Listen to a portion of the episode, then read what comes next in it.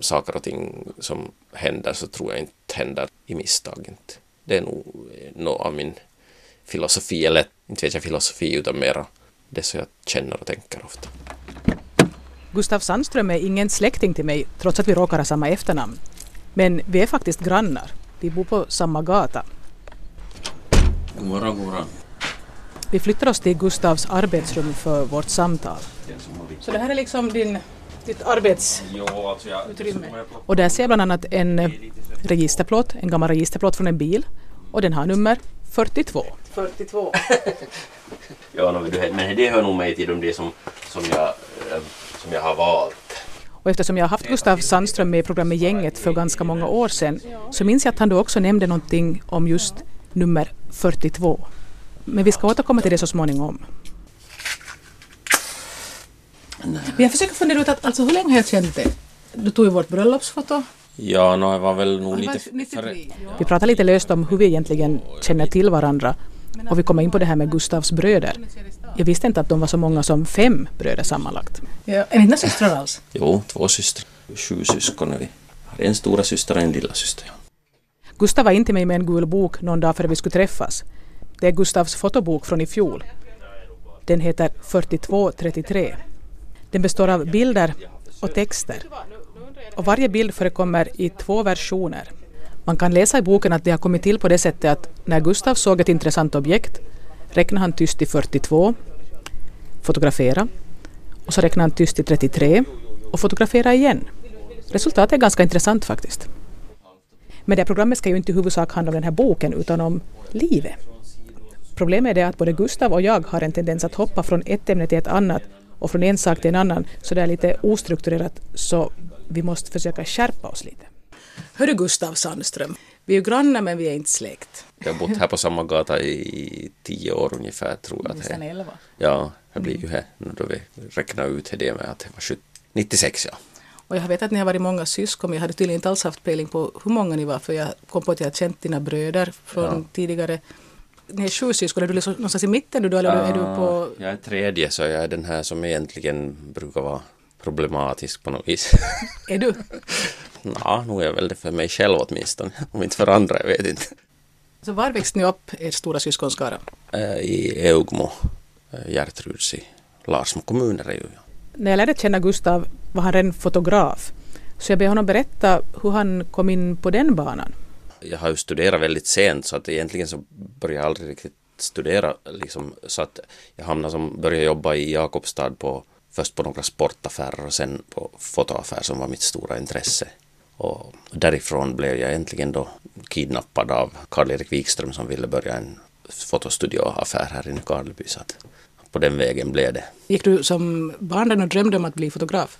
Ja, no, egentligen, jo, det, det, stämmer nog ganska bra för att på 60-talet så lär jag ha eh, försökt samla Coca-Cola-korkar för att få en sån här Coca-Cola-kamera.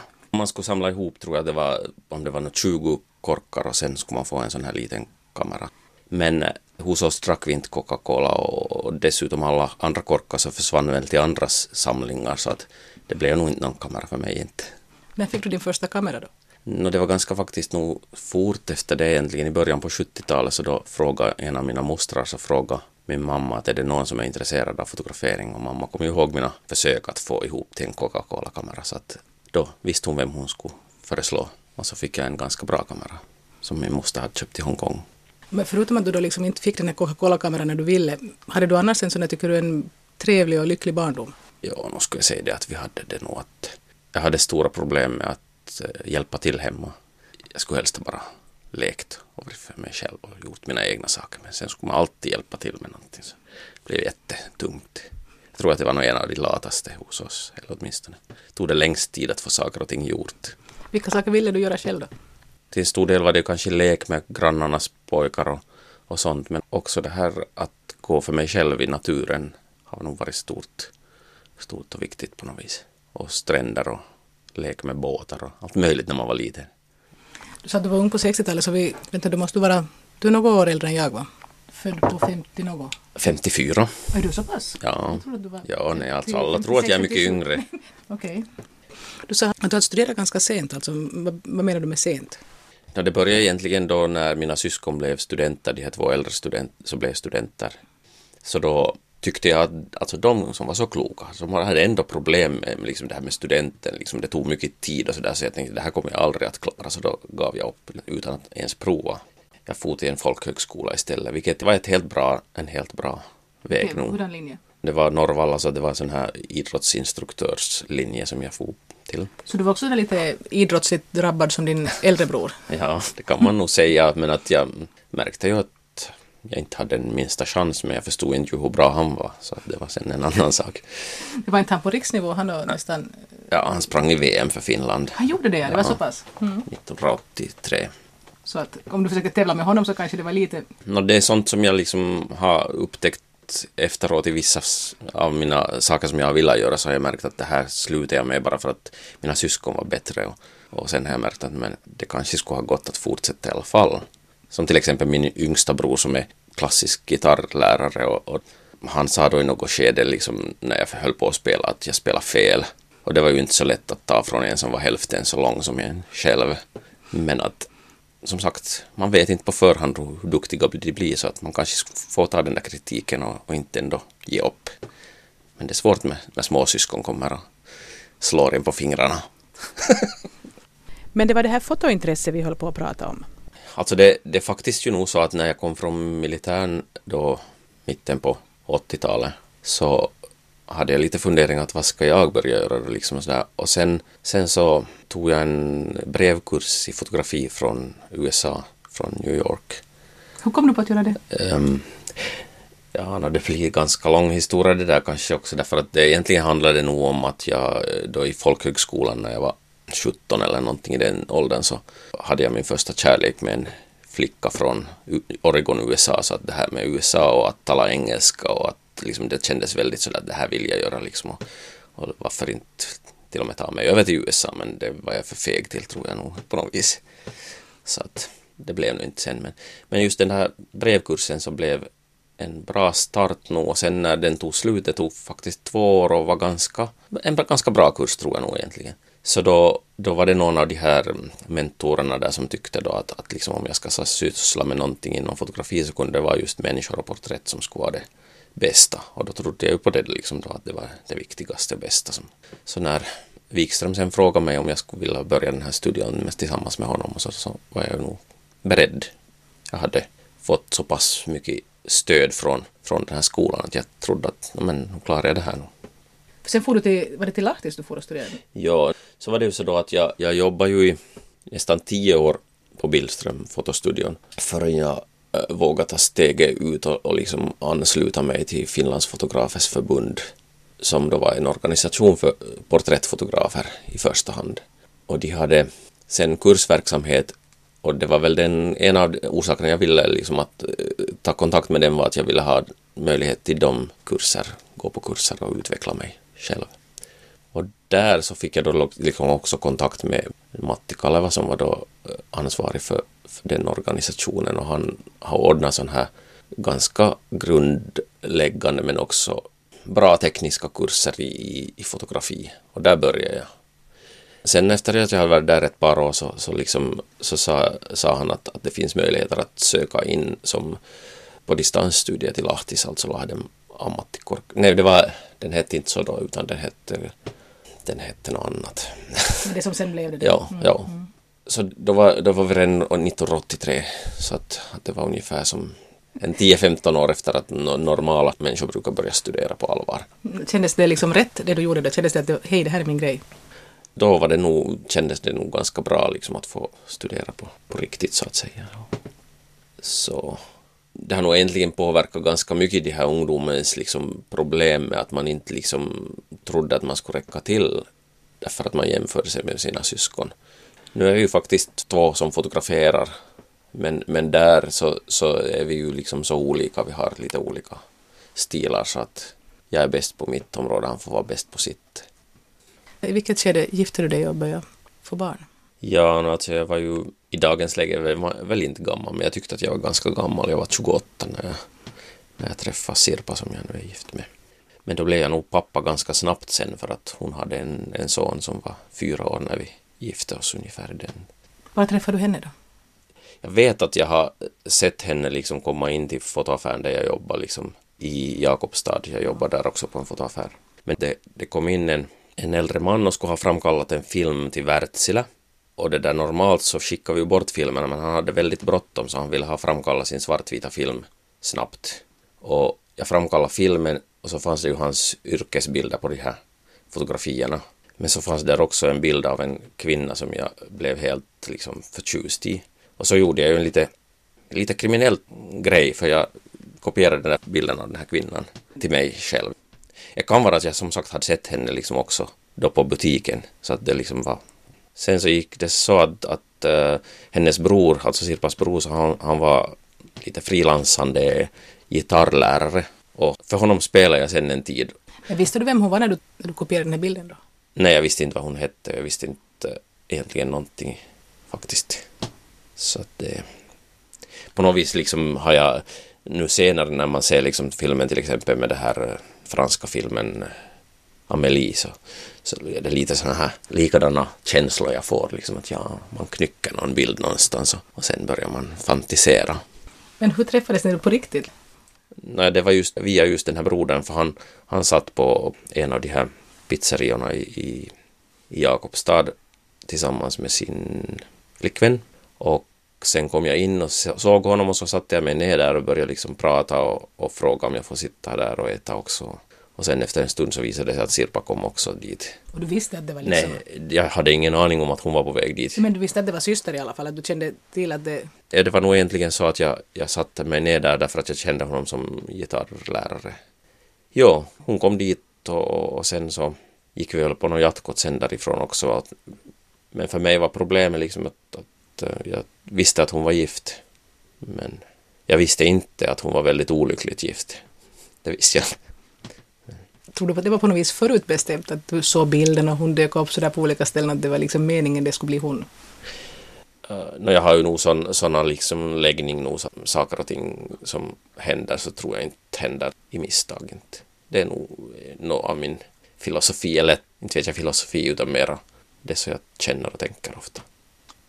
Många, många år senare minns jag att vi har suttit i en bil, jag och några andra män satt i en bil på väg hem från en, en resa till Lappland i Sverige. Och där så minns jag liksom hur jag berättade liksom att, att vårt liv är som en, en LP-skiva. Eller egentligen så är liksom allt som händer så finns på den här skivan.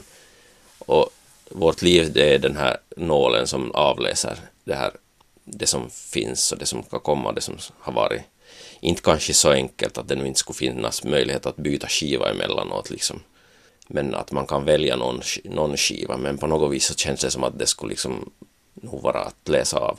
Det, det som jag, varför jag liksom pratar om sånt så det handlar nog till stor del också om det att, att jag har faktiskt varit en sån här, jag har sett framtiden i vissa drömmar. Och då liksom börjar man fundera att hur kan det liksom då fungera. Och då tänker du på den här skivan att du kanske bara råkar hoppa ett spår framåt och vet vad som kommer att hända. Mm. Jag kan avläsa skivan på förhand också. Men så går det perioder när man tänker att äh, det här är bara fantasier. Liksom, varför skulle det vara på det viset? Så det, det är nog mycket från och till det här funderande runt hur livet fungerar och hur allting fungerar. Jag frågade Gustav om han nu skulle kunna tänka sig att berätta lite mer om sitt förhållande till nummer 42. Och jag har ett minne av att jag skulle ha bett honom göra det här också för bra många år sedan jag var inne i sådana skeden att jag tänkte ibland så tänkte jag att jag ska inte berätta om den och ibland tyckte jag att det är väldigt roligt, det här borde jag egentligen berätta om. Så det där, det är väl nu idag jag ska berätta lite om den grejen då. Men att... Och han får väl lite skylla sig själv eftersom den här gula boken heter 4233. Gustav ber mig stänga av mikrofonen en stund för han vill fundera. När jag knäpper på den igen sitter han och rör på ett pappersband som ser ut som en åtta. Det där evighetsmärket eller något sånt. Mm. Mm. Ja, du vet det? Jo, jag ser det nu när du satte dit. Mm.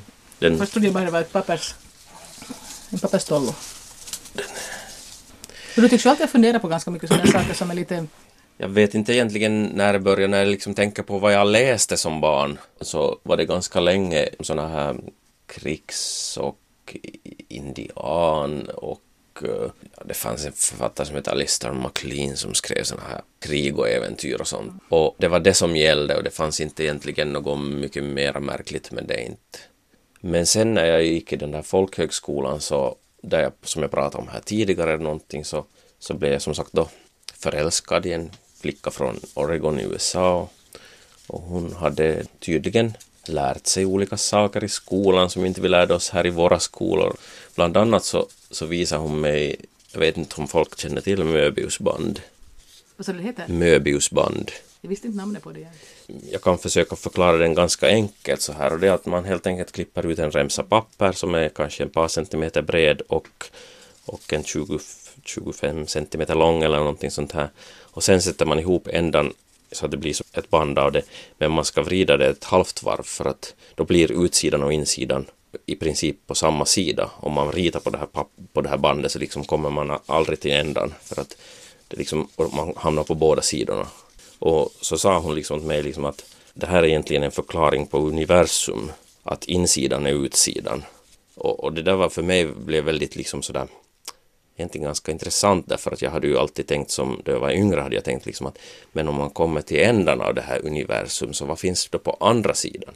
Så då fanns det liksom en inte någon enkel förklaring men i alla fall liksom att det fanns ingen ända på det viset utan utsidan var insidan och, och det här blev jag väldigt fascinerad av. Eh, sen så trodde jag nästan på allt vad hon sa då förstås. Så när hon sa att jag skulle läsa Herman Hess Steppvargen, att det var en intressant bok, så då läste jag ju den. Och, och när jag nu senare läser igenom Steppvargen så kan jag ju liksom börja fundera att hur mycket har den faktiskt format mitt liv? Att är det därför jag blev en sån här mm, grubblare? Och jag tror ju inte att det är nu orsaken, men att, utan det var kanske den här skivan jag läste av och råkade komma till den delen av skivan där jag skulle läsa Herman Hess då. Så du menar det att du lärde känna henne så det kom att påverka dig mer än vad du kanske fattade i det skedet när du träffade henne att det skulle göra? Jo, och sen, sen fanns det nog andra saker med henne också. Det var, det var kanske det att, att hon gav mig första gången någon, någon slags självförtroende. För att jag var faktiskt, hade inget självförtroende alls före, före folkhögskolan. Det kan man nog ganska gott säga nu. Och väldigt konkret så gjorde hon det på det viset att hon lärde mig att dyka utan att hålla fingrarna framför näsan.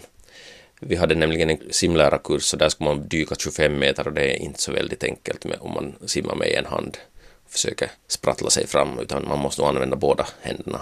Hon, hon fick mig att, att dyka utan att hålla för näsan. Och det att jag höll för näsan så det hade att göra med att jag hade tänkt drunkna som barn så jag hade väldigt obehag för, för att få in vatten i näsan.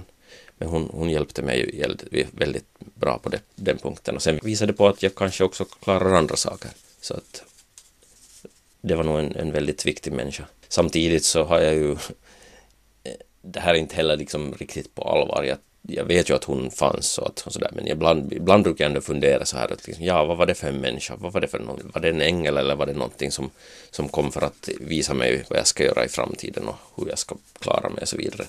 Så att, men sen andra gånger så liksom vet jag att det var en helt, bara en, en bra människa som passar för mig då. Har du någon som helst spår av vart hon tog vägen sen? Ja, alltså vi skrev nog ganska länge och, och sen, sen så tog det slut i något skede när hon väl ville gå vidare i sitt liv utan att ha det här mig på nacken.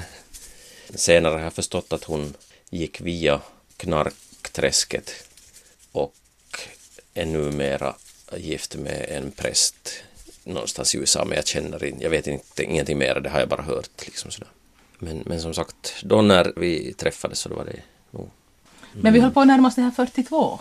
Jo, alltså jag, jag, jag, nämnde här att jag ibland har funderat på att eh, ska man berätta om den eller ska man inte berätta om den? Och nu har jag den på min bok så det liksom blir ju det att väldigt många frågar vad det handlar om. Och jag kan ta ett exempel när jag, det var före den här boken, när jag hade, liksom hade beslutat mig för att den här gruppen som jag nu har som studerande så ska jag inte berätta om den här numren för jag tycker att det liksom är onödigt att jag nu hela tiden framhäver sådana här konstiga saker. Vi var på vårt första sån här träff, vi hade liksom alla studerande var på plats och vi var ute på en villa. Och när vi kom dit så tänkte jag att nu ska jag nog åtminstone låta den här numren vara onämnd. Men så gick vi ut där på bryggan och så drack vi en öl per person ungefär någonting. Och så satt vi där, stod vi där och alla berättade om sig själv och så kommer en av mina nya elever kommer fram till mig och så säger han att Nå hej Gustav. Och så pratar vi någonting och så, så sa jag Nå var bor du då? Så sa han att Nå han bor 42 kilometer från Vasa och 42 kilometer från Nykarleby. Han nämnde det dubbelt liksom. Och efter det så då liksom gav jag ju upp direkt och så började jag berätta om min 42. Så eh, då ofta har det hänt på det där viset att jag har tänkt att no, det där ska jag nog inte nämna nu, men så kommer någon och släpper ur sig en sån här märklig 42 igen och då är jag liksom igen tänd att wow, nu ska jag berätta. Fast jag försöker vara... Det är lite som när man är tobaksrökare, att man kan inte låta bli. Så du är beroende av 42? Det verkar så. Det verkar så. Fast den är inte lika allvarlig nu som det var i början. Men när var början då? Nå, början så skedde ungefär 83 skulle jag tippa att det var. Jag hade skaffat firmans första dator. En Macintosh-dator. Det har en viss betydelse att det var en sån. Sen hade jag en, en sån här screensaver i den här datorn. Och, och den ritade upp ett sånt här fraktalmönster. Sen så kom det en sån där ganska snygg kombination av bild, någonting sådär. Och så tänkte jag det här ska jag spara med en screendump eller vad man kallar det. Och så tog jag en kopia av skärmen med då tre tangenter tryckte på sådär. Och så när jag öppnade den bilden på nytt så fanns det en 42 mitt på bilden.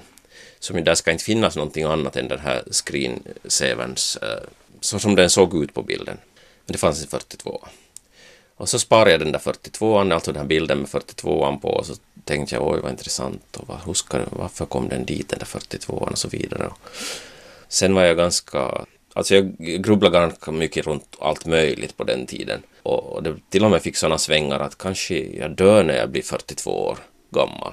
Och, och, bland annat så tänkte jag att, att Elvis dog när han var 42. Att kanske den här 42an har någonting sån här, något båda någonting och tänkte jag slänger den. Jag vill inte ha den.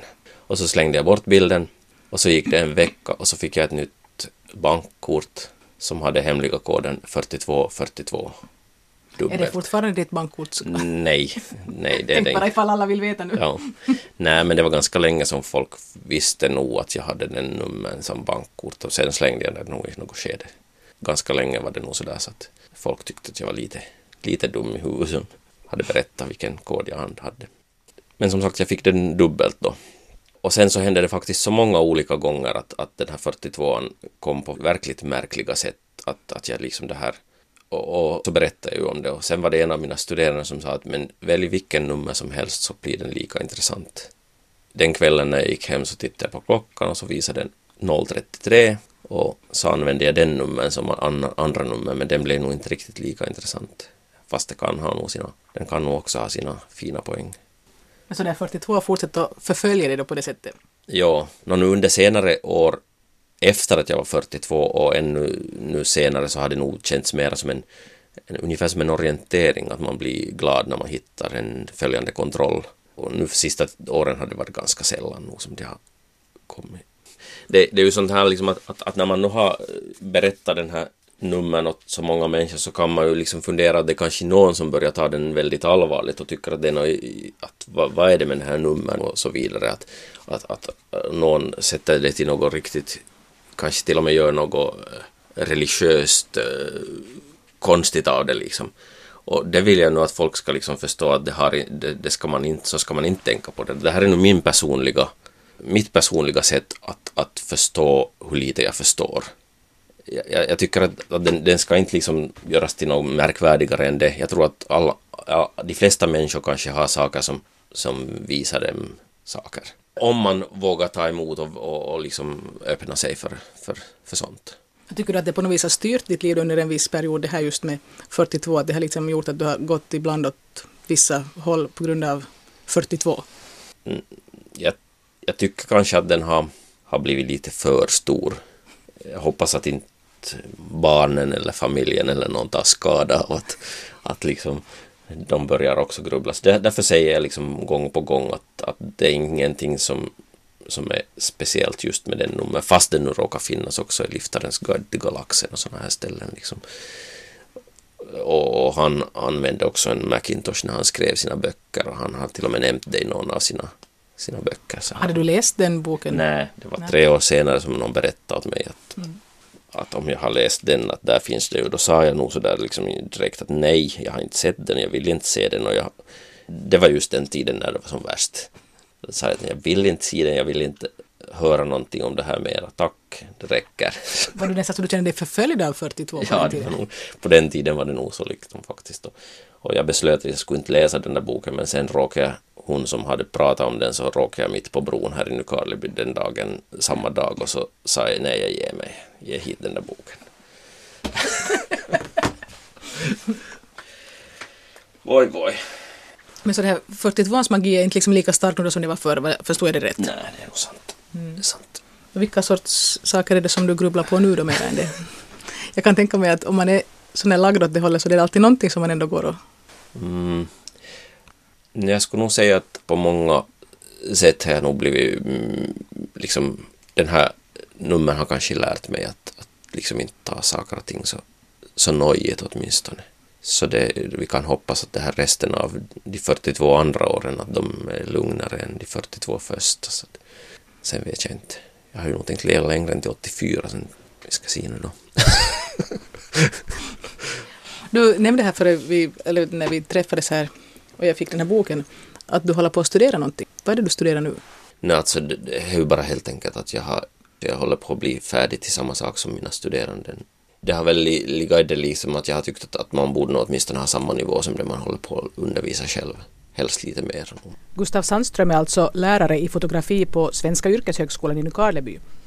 Det är väl en sån här, inte vet jag, fobi men någon slags behov av att nog, nog faktiskt, alltså jag tror att det, det härstammar nog ända från den här skoltiden när jag var, kände mig väldigt, hade väldigt dåligt självförtroende. Sen blev jag väl av med det någon gång på riktigt jag, jag vet att, att jag många, många gånger liksom just på, på arbete har, har sagt åt förmän och sånt, åtminstone åt chefen där på skolan, och, och liksom då kommer alla med argument om att det är klart att du räcker till och liksom du är ju så och så och så, du gör det och det och det och ingen klagar och alla tycker om dig och, och så vidare. Och, och så kan jag säga att okej, okay, men nu är det väl så bara att jag liksom det som tänker så här. Och, och sen går det en tid igen och så tänker jag för mig själv att men ni vet inte hur, då, hur dåligt det är ställt. ja, det lär ju ska finnas folk som inte känner det på det här sättet, men jag tror att vi är ganska många nu som har en sån där del någonstans, ibland mera dold och ibland mera liksom att den tar överhand. Mm. Mm. Och jag tycker att med, med tilltagande ålder så lär man sig leva med det. Att man vet att okej, okay, den här delen får nu finnas där men att jag ska inte låta den styra mig. Mm. Men den styr nog ändå ibland. Ja. Och problemet som nu som lärare så problemet är liksom att det går så snabbt framåt med de här digitala och andra med medier och sånt att, att det är jättesvårt att hänga med och försöka vara tillräckligt duktig på det. Och ofta så blir det ju också det här att man känner att, att, att vissa är studerande så vet mera om saker och ting och då blir det faktiskt ganska tungt. Det tär på krafterna när man försöker kämpa och vara tillräckligt duktig på sånt som går väldigt snabbt framåt. Jag frågar till slut Gustav ifall han vill säga någonting mer om den här fotoboken som vi haft framför oss hela tiden. Den som heter 4233. Jag tror att den här boken, så den tas emot bäst av sådana som känner att de har ungefär samma, i samma situation eller har samma känslor. Jag brukar säga så här att, att ju närmare man går sig själv när man gör någonting, så ju närmare kommer man också andra som tänker på samma sätt. Och då betyder det ju att, att det inte är alla som kan ta emot den här boken, men de som gör det så känner väldigt starkt och tycker att oj, vad, vad fint. Så att eh, någonstans läste jag nyligen att stor konst så handlar inte om det personliga.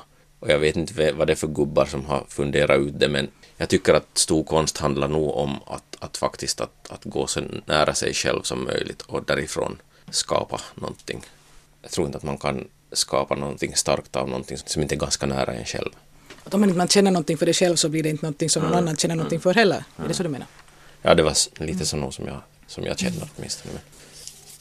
Tycker du att du liksom är sådär överlag är nöjd med livet och sådär lycklig kanske är ett lite starkt ord men att du liksom tycker att du har att det, du är nöjd med hur du har det? Ja, nu skulle jag säga att i grunden så är det ju nog mycket som jag får vara verkligen glad över och nöjd på det viset. Men samtidigt så skulle jag vilja ha det lite lättare med mig själv. Så det är någon slags tudelning nog. Du sitter och håller i ditt band där fortfarande? Ja, med möbiusband. Samtidigt lite någon slags sån här, vad heter den, radband.